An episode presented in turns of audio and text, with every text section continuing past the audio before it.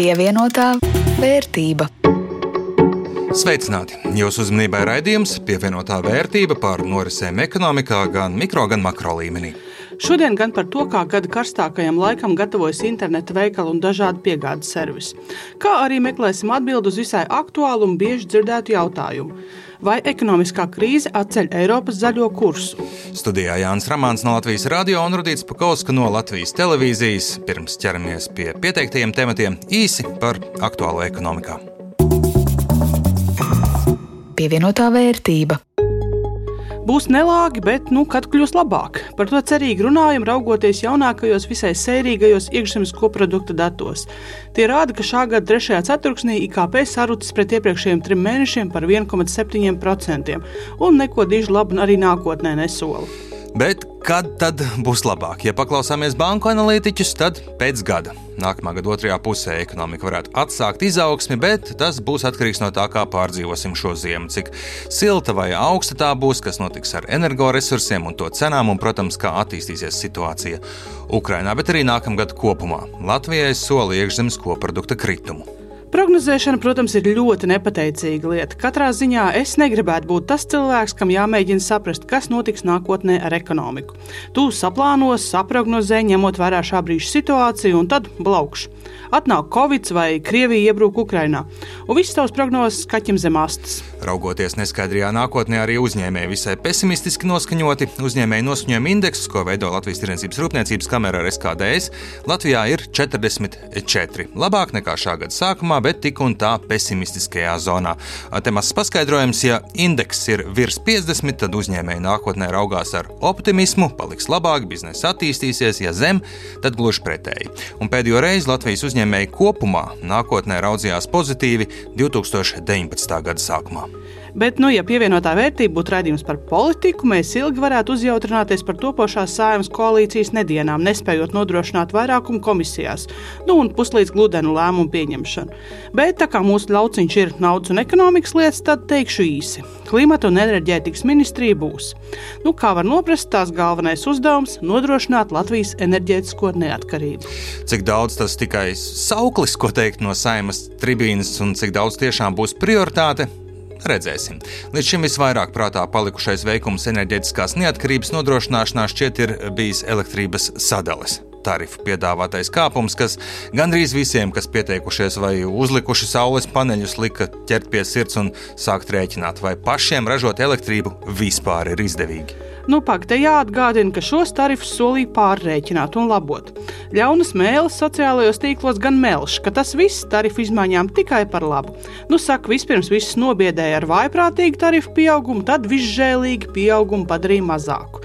Cilvēki, atceroties sākotnējo ideju, atviegloti uzelpo un jūtas uzvarējuši. Nu, tas nekas, kā arī pazeminātais tarifu kāpums pa maciņus ir tā, ka maz neliekas. Pie enerģetikas tematiem jāatzīmē arī tas, ka Eiropas Savienībai šķiet izdevās vienoties par cenu grieztiem Krievijas naftai 60 dolāri par barelu, augstāk nekā to vēlējās daudzas valstis Eiropā un arī Ukraina, bet šķiet iebildēji galu galā nolēma labāk tā nekā nekā un paturēja šo grieztu pazemināšanu kā soli nākamajām sankciju paketēm. Tepat Latvijā dažas interesantas tendences darba algas lauciņā. Bruto alga 3. ceturksnī augus par 6,3%. Tas ir lēns pieaugums un pēdiņās, pateicoties inflācijai, pirktspēja kritusies. Kā aplēsis Pēters Strautiņš no Luminora, šis pirktspējas mazinājums bijis pat straujāks nekā Dišķibels laikā 2008. un 2009. gadā. Te gan mierinājumu vārdi arī dzēn. Tā kā konkurence par darbiniekiem joprojām būs asa, pēc viņa prognozēm pirktspēja arī atjaunosies daudz ātrāk nekā toreiz pievienotā vērtība. Bet nu pie jautājuma, vai ekonomiskā krīze atceļ Eiropas zaļo kursu? Nu, šis varētu būt pēdējā laikā populārākais nosaukums jebkurai ekonomiskai jautājumu diskusijai. Jā, tas tiesa. Tāda pavisam nesen notika arī Eiropas Savienības mājā Latvijā. Un tā kā Eiropas Savienība turpmāko gadu budžetos zaļā kursa īstenošanai ir paredzējusi ļoti daudz, daudz naudas, un tā ir prioritāte, tas skaidrs, ka politiski tiek teikts, zaļais kurs ir vēl svarīgāks un būtiskāks nekā jebkad agrāk. Eiropas zaļais kurs ir jāīsteno par spīti ekonomiskai krīzai un par spīti Krievijas uzsāktajam karam Ukrainā. Skaidrs, ka ikdienā daudz iedzīvotāji saskarās uh, ar augstiem enerģijas rēķiniem, ar inflāciju, un tas satrauc iedzīvotājus. Arī pēdējie Eirobarometra dati liecina par to, ka klimata jautājumi varbūt drusku nobāla Eiropas un arī Latvijas iedzīvotāju nu, dienas kārtībās. Tā par zaļā kursa aktualitāti un atšķirībām politikas veidotāju un iedzīvotāju prātos saka Eiropas komisijas pārstāvniecības Latvijā politikas nodaļas vadītājs Andris Kužinieks. Un patiesībā reāli politikā arī redzam, ka Tuvākās ziemas pārlaišana ir ar stipri augstāku prioritāti. Piemēram, ir valsts Eiropā, kuras grib vairāk dedzināt ogles, lai ražotu elektrību. Tepat pie mums ļaujam cirst jaunākus, tievākus kokus, ko pārstrādāt šķeldā. Arī topošajā koalīcijā ir politisks spēks, kuru pārstāvji publiskajās diskusijās iestājas pret kūdras ieguves samazināšanu. Un šie visi ir tie signāli, kur saka, jā, krīze atceļ zaļo kursu. Bet No otras puses, kad enerģijas izmaksas nebija tik augstas, tad arī šim kursam pietrūka motivācijas. Tā saka Latvijas bankas ekonomiste Daina Paula.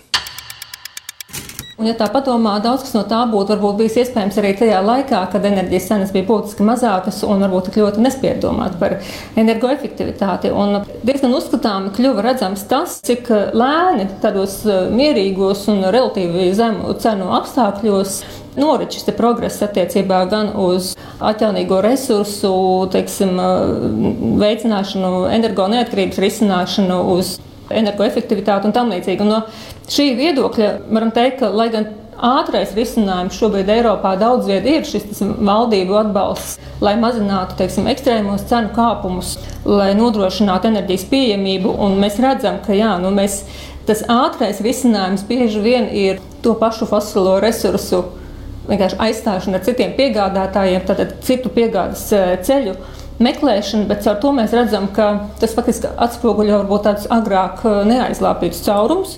Tagad situācijas spiesti gan uzņēmēji, gan valstis ir stipri motivētāki iet atjaunojamo resursu un dabai draudzīgāku risinājumu virzienā, un, ja salīdzinot ar fosīlo enerģiju, tā vairs nav dārga. Biznesa vidē vērtības un zaļais kurs atbildīja par pasaules klimatu un par to uztraukties. Līdz šim bija, godīgi teiksim, tāda publiskā tēla modes lieta, jo galu galā, ja zaļam vai zaļākam būt nav izdevīgi un tas nes tikai zaudējumus, tad kāpēc lai to darītu? Šobrīd gan tie, kuri ir par to satraukušies arī pirms energo cenu krīzes, ir ieguvēji, tā saka būvmateriāla ražotāja Švenka Latvija, vides un juridiskā direktore Evita Goša. Tādā biznesa kontekstā viennozīmīgi tas, ko es redzu, ir tas, ka tie uzņēmumi, kas jau līdz šim ilgstoši ir īstenojuši dažādas ilgspējas prakses, tā skaitā, piemēram, nu, mazinājuši savu fosilo attiecīgi enerģijas avotu patēriņu, rūpējušies par energoefektivitāti, vērtījuši savas vērtību ķēdes un tā tālāk, tad viņi katrā ziņā šo krīzi pārliež vieglāk. Un zaļais kurs tiešām patiesībā pat pātrina nu, šo atkabināšanos ja, gan no fosilējiem kurināmajiem, ja, gan no dažādām citām neilgspējīgām praksēm. Līdz ar to nu, es arī kā Švenka Latvijas pārstāvu viennozīmīgi varu teikt, ka, manuprāt, zaļais kurs ir fakts mūsu vienīgā iespēja izdzīvot, domājot ilgtermiņā. Un mums vienkārši ir tiešām jāmaina pilnībā domāšana un jāsaprot, ka patēriņš un patēriņa pieaugums nav izaugsme. Tātad nākotnē mēs ar izaugsmu vairs nesaprotam. Ja? Vairāk, vairāk patērēsim aizvien vairāk. Tāda savā ziņā zelta vārda. Iespējams, kādam arī mierinājums, saprotot, ka kādu laiku tuvākā nākotnē vairāk un vairāk visticamāk nesanāks jebkurā gadījumā. Vismaz, kamēr pasaules ekonomikas izaugsme piebremzējas un tiek gaidīta, cerams, īslaicīga recesija. Pievienotā vērtība. Lai kāda draudīga laika ekonomikā, gada svētkus mazumtirdzniecībai neviens nav atcēlis. Kā gada karstākajam laikam gatavojas tirgotāji un piegādātāji, un kā dzīves dārdzības pieaugums ietekmē pircēju paradumus, to visu skaidroja Linda Zalāne. Darba duna ir iesākusies, un patiesībā mēs to jutām jau sākot no kādas novembra vidus. Jo šogad dāvanu iegādes laiks ir stācies ātrāk nekā citus gadus. Līdz ar to mēs esam darbos līdz ausīm šobrīd. Šī brīža situāciju raksturo interneta veikala 220.lv pārstāvis Kārlis Ozos. Viņa prāt šī gada steigu jeb saulēcīgo dāvanu iegādi veicina vairāki faktori. Pircēji meklē labākos piedāvājumus, lai ietaupītu naudiņu, jo ir pieaugušas resursu cenas, mums ir jāmaksā vairāk par elektrību, par apkuri, citas vēl izmaksas ir lielākas. Un novembrī tiek rīkotas diezgan daudz izpārdošanas. Otrs faktors ir internetā preces tomēr pārsvarā var iegādāties lētāk, bet preci nav iespējams saņemt uzreiz. Ir preces, kas ir jāgaida pāris dienas, ir kas jāgaida pāris nedēļas. Tāpēc pircēji kā mēs redzam, vienkārši ātrāk plāno, jo vēlas ietaupīt. Vai ņemot vērā energoresursu krīzi, šogad cilvēki dāvanām tērē mazāk un ir pieticīgāki? Ko mēs visu rudeni redzējām, ka pircējiem acīm redzot vēl ir uzkrājumi, kas tika izveidot pandēmijas laikā, jo tādas izmaiņas straujas iedzīvotāju pirktspējā mēs neesam novērojuši. Jo, piemēram, tikko bija Melnās piekdienas akcija, ko visi tirzniecības nozarē gaidīja ar pietiekoši lielām bažām, kas nu būs, ņemot vērā ekonomisko situāciju. Mums bija 12% pieaugums pārdošanas apjomos, ja salīdzinām ar iepriekšējo gadu. Skatīsimies, kas būs decembrī. Mēs nezinām to vēl, kā tā situācija izskatīsies, bet šobrīd nu, mēs neredzam, ka pirktspēja būtu tā krasi kritusies. Kārlis Ozo stāsta, ka gadu no gada Latvijā iedzīvotāju vēlmes Ziemassvētkos ir līdzīgas, un zem eglītes biežāk tiek liktas bērnu rotaļlietas, smaržas, kosmētika un mazā sadzīves tehnika. Audio video tehnika, piemēram, tosteru maizīšu gatavojami aparāti, mazi radioaparāti. Nu, šīs kategorijas ir nemainīgas. Darba duna uzņēmusi apgriezienus ne tikai tirgotājiem, bet arī sūtījumu nodrošinātājiem, kas Latvijas radio apliecina, paku sūtījumu intensitāte ir liela, bet saspringtākais laiks vēl priekšā. Turpina Omniva komunikācijas un ilgspējas vadītājs Jānis Anģāns. Omniva jau šobrīd strādā Ziemassvētku režīmā. Sūtījumu skaits ikdienā pieaug vairākas reizes. Ja pēdējos pāris mēnešus redzējām, ka nu, šis sūtījumu skaits aug pakāpeniski, tad laiks ap to saucamo melno piekdienu faktiski šos apjomus ir dubultojis. Un ņemot vērā, ka mūsu nu, uzņēmumu kopējais klientu skaits pārsniedz 500 tūkstošus, tad eh, šobrīd varam teikt, ka pieprasījums tiešām ir liels, intensīvi strādājot. Uz jautājumu, vai šogad, tuvojoties svētku laikam, uzņēmums ir pieņēmis darbā jaunus darbiniekus vai veicis vēl kādus citus priekšdarbus, lai svētku laikā paku sūtījuma apjomu spētu apkalpot raiti un bez raizēm, Jānis Anģāns pauž šādi. Mēs esam pieņēmuši klāt tuveņi 60 līdz 70 cilvēkus klāt, galvenokārt šķirotājus un kurjerus. Ja runājam par infrastruktūru, tad šogad šim pakomāta tīkls ir par 60 līdz 70% lielāks nekā pirms gada. Un arī šobrīd turpinām to paplašināt, un jau tuvākajā laikā mūsu tīklā ja būs 360 pakomāti, 133 apdzīvotās vietās, vai pie pakomātiem šogad arī stāvēs uzņēmuma buciņi. Tādu iespēju izslēgt mēs nevaram, taču mūsu prognoze ir, ka tas varētu notikt tikai pie pašiem pašiem noslogotākiem pakomātiem. Lai sūtījumu apjomu un pakomātu noslogojumu izlīdzinātu, Jānis Anģāns aicina klientus uzņēmuma mājaslapā aplūkot digitālo karti un izvēlēties to pakomātu, kurš nav tik iecienīts. Arī DPD Ziemassvētku darbu skrējienam gatavojas saulaicīgi un paplašina darbinieku pulku.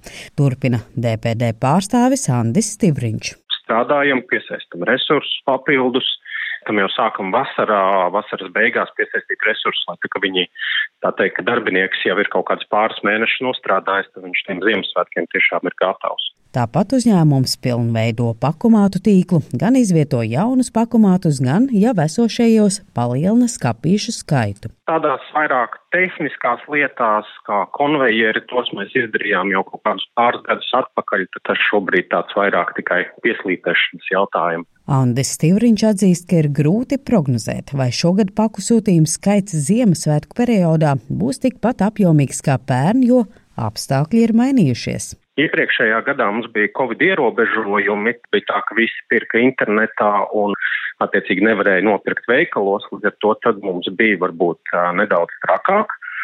Šogad, es teiktu, ir bišķi mierīgāk, bet es domāju, ka tur ir gan, gan. Tur ir gan uh, inflācijas ietekme, gan bāzes efekts, nosauksim to tā. Tomēr viss vēl ir priekšā, jo ierasts, ka saspringtākais pirmsvētku sprints ir tieši nedēļu pirms Ziemassvētkiem. Linda Zalāne, Latvijas radio. Pievienotā vērtība. Vēl mums atlicis ielūkoties, kas tad notiek Baltijas uzņēmumu akciju tirgu. Kopumā aizvadīta kārtējā pozitīvā nedēļa, kāpums par nepilniem 2%. Nu, ja paskatāmies atsevišķi pa valstīm, tad Rīgai plus ir pieticīgākie 0,5%, tad sako Viļņa kāpums 1,7%, savukārt Tallinas biržas indeks palielinājās par 1,89%. Jātais, lai gan inerts pēc joprojām katru nedēļu ieskatos savā portfelī, būdams gatavs arī mīnusiem, šī nedēļa man bijusi visai pozitīva pozitīvi. Plus 7 eiro nedēļas laikā klāt un kopējā portfeļa vērtība 449,20 eiro. Bet rudīt ar saviem ieguldījumiem katru nedēļu man sāk aizvien vairāk mītus papēžiem, aizvien tuvāk un tuvāk. Kā tad šonadēļ tev? Nu, nav slikti, lai gan, protams, vēl joprojām atpaliek, un arī pieaugums man ir mazliet lēnāks. Portfeļa vērtība šobrīd gandrīz 420 eiro. Nedēļas laikā 5,5 eiro pieaugums. Pievienotā vērtība. Ar to arī skan šīs nedēļas raidījums. To jums sagatavoja Jānis Ramāns no Latvijas radio un Rudīts Pakausks no Latvijas televīzijas par labskaņu parūpējās Kaspars Groskaps. Uz tikšanos pēc nedēļas, bet gan šo, gan cits mūsu raidījumus var atrast arī raidierakstu vietnēs, Latvijas radio mobilajā lietotnē un arī Latvijas radio mājaslapā.